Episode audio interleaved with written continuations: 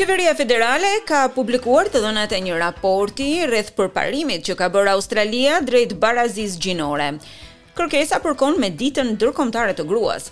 Raporti rreth statusit të grave thekson sfidat e shumta me të cilat ende përballen gratë dhe vajzat në disa fusha, përfshirë këtu ngacmimet seksuale, hendekun gjinor të pagave dhe të pastrehët.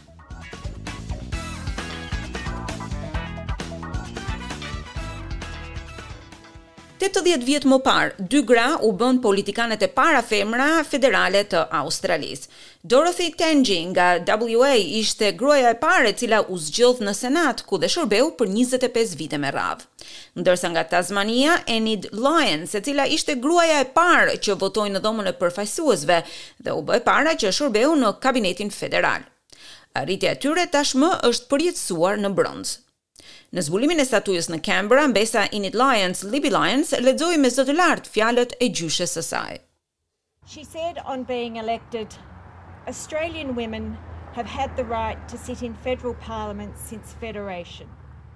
Kur u zgjodh, ajo tha, gratë australiane kanë patur të drejtë të ulen në parlamentin federal që në kohën e federatës. Por vetëm në vitin një mijë e nëntëqind e dyzet e tre, Dorothy Tangney hyri në Senat, E unë në dhomën e ulët. Ato thyen barrierat e zakoneve dhe paragjykimeve, e hynë në zonën e shenjtë. Ne ishim besimplotë në drejtësinë e kërkesës së grave për t'u bërë pjesë aktive e qeverisjes.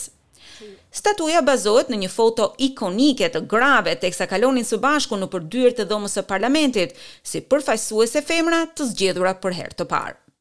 Mbesa e Dorothy Tangney, Maxine Muir thotë se tezja e saj nuk e konsideronte veten feministe, por ajo i dha jetën barazisë së grave. Dame Dorothy was a very dedicated and talented woman who was extremely successful at a time when females were not encouraged to have Dama Dorothy ishte një grua e përkushtuar dhe e talentuar, ishte jashtëzakonisht e suksesshme në një kohë kur femrat nuk inkurajoheshin që të kishin aspirata të larta. Ajo përgatiti rrugën për gratë e tjera për t'u futur në Senat e Parlament në përgjithësi dhe hodhi poshtë paragjykimet ndaj grave në Parlamentin Federal. Statuja është bërë nga skulptorja Lis Johnson dhe është e para e një gruaje australiane në trekëndshin parlamentar të Canberrës. Ministrja për Zhvillimet Rajonale, Kristy McBain, e ka nderuar kujtimin e Dame Lyons dhe Tangney, duke thënë se ato hapën gjurmët për të gjitha ato që erdhën më pas. These two women will forever be etched into our history as the first women to enter Parliament. Këto gra do të mbeten gjithmonë në historinë tonë si gratë e para që hynë në Parlament. Që nga ajo kohë ka patur një numër të konsiderueshëm të grave në parlament, por secila prej tyre duhet të festohet. Ka qenë shumë e vështirë për gratë që të hynin në këtë hapësirë, e roli i këtyre dy grave nuk mund të nënvleftësohet. Pa shembullin e tyre ne nuk do të ishim sot këtu. Sot në Parlamentin Federal ulet një numër rekord i grave. Më gjerësisht, Forumi Ekonomik Botëror e rendit Australinë në vendin e dyzet e tretë në botë për barazinë gjinore. E një nismë e re nga qeveria federale po nxjerr në pah shumë mënyra se si Australia ka arritur të dështojë në këtë drejtim. Karta e raportit të statusit të grave bazohet në të dhëna të tilla në fusha të ndryshme të përfshirë këtu arsimin, rezultatet ekonomike, shëndetin, sigurinë dhe mirëqenien. Ministrja për Gratë, Katy Gallagher, thotë për ABC-në se kartela e rezultateve nxori në pah sfidat e shumta me të cilat përballen gratë dhe vajzat në Australi. For many Australians, like some of these statistics aren't well known and I really wanted to, I guess, put front and center on as we're doing our work.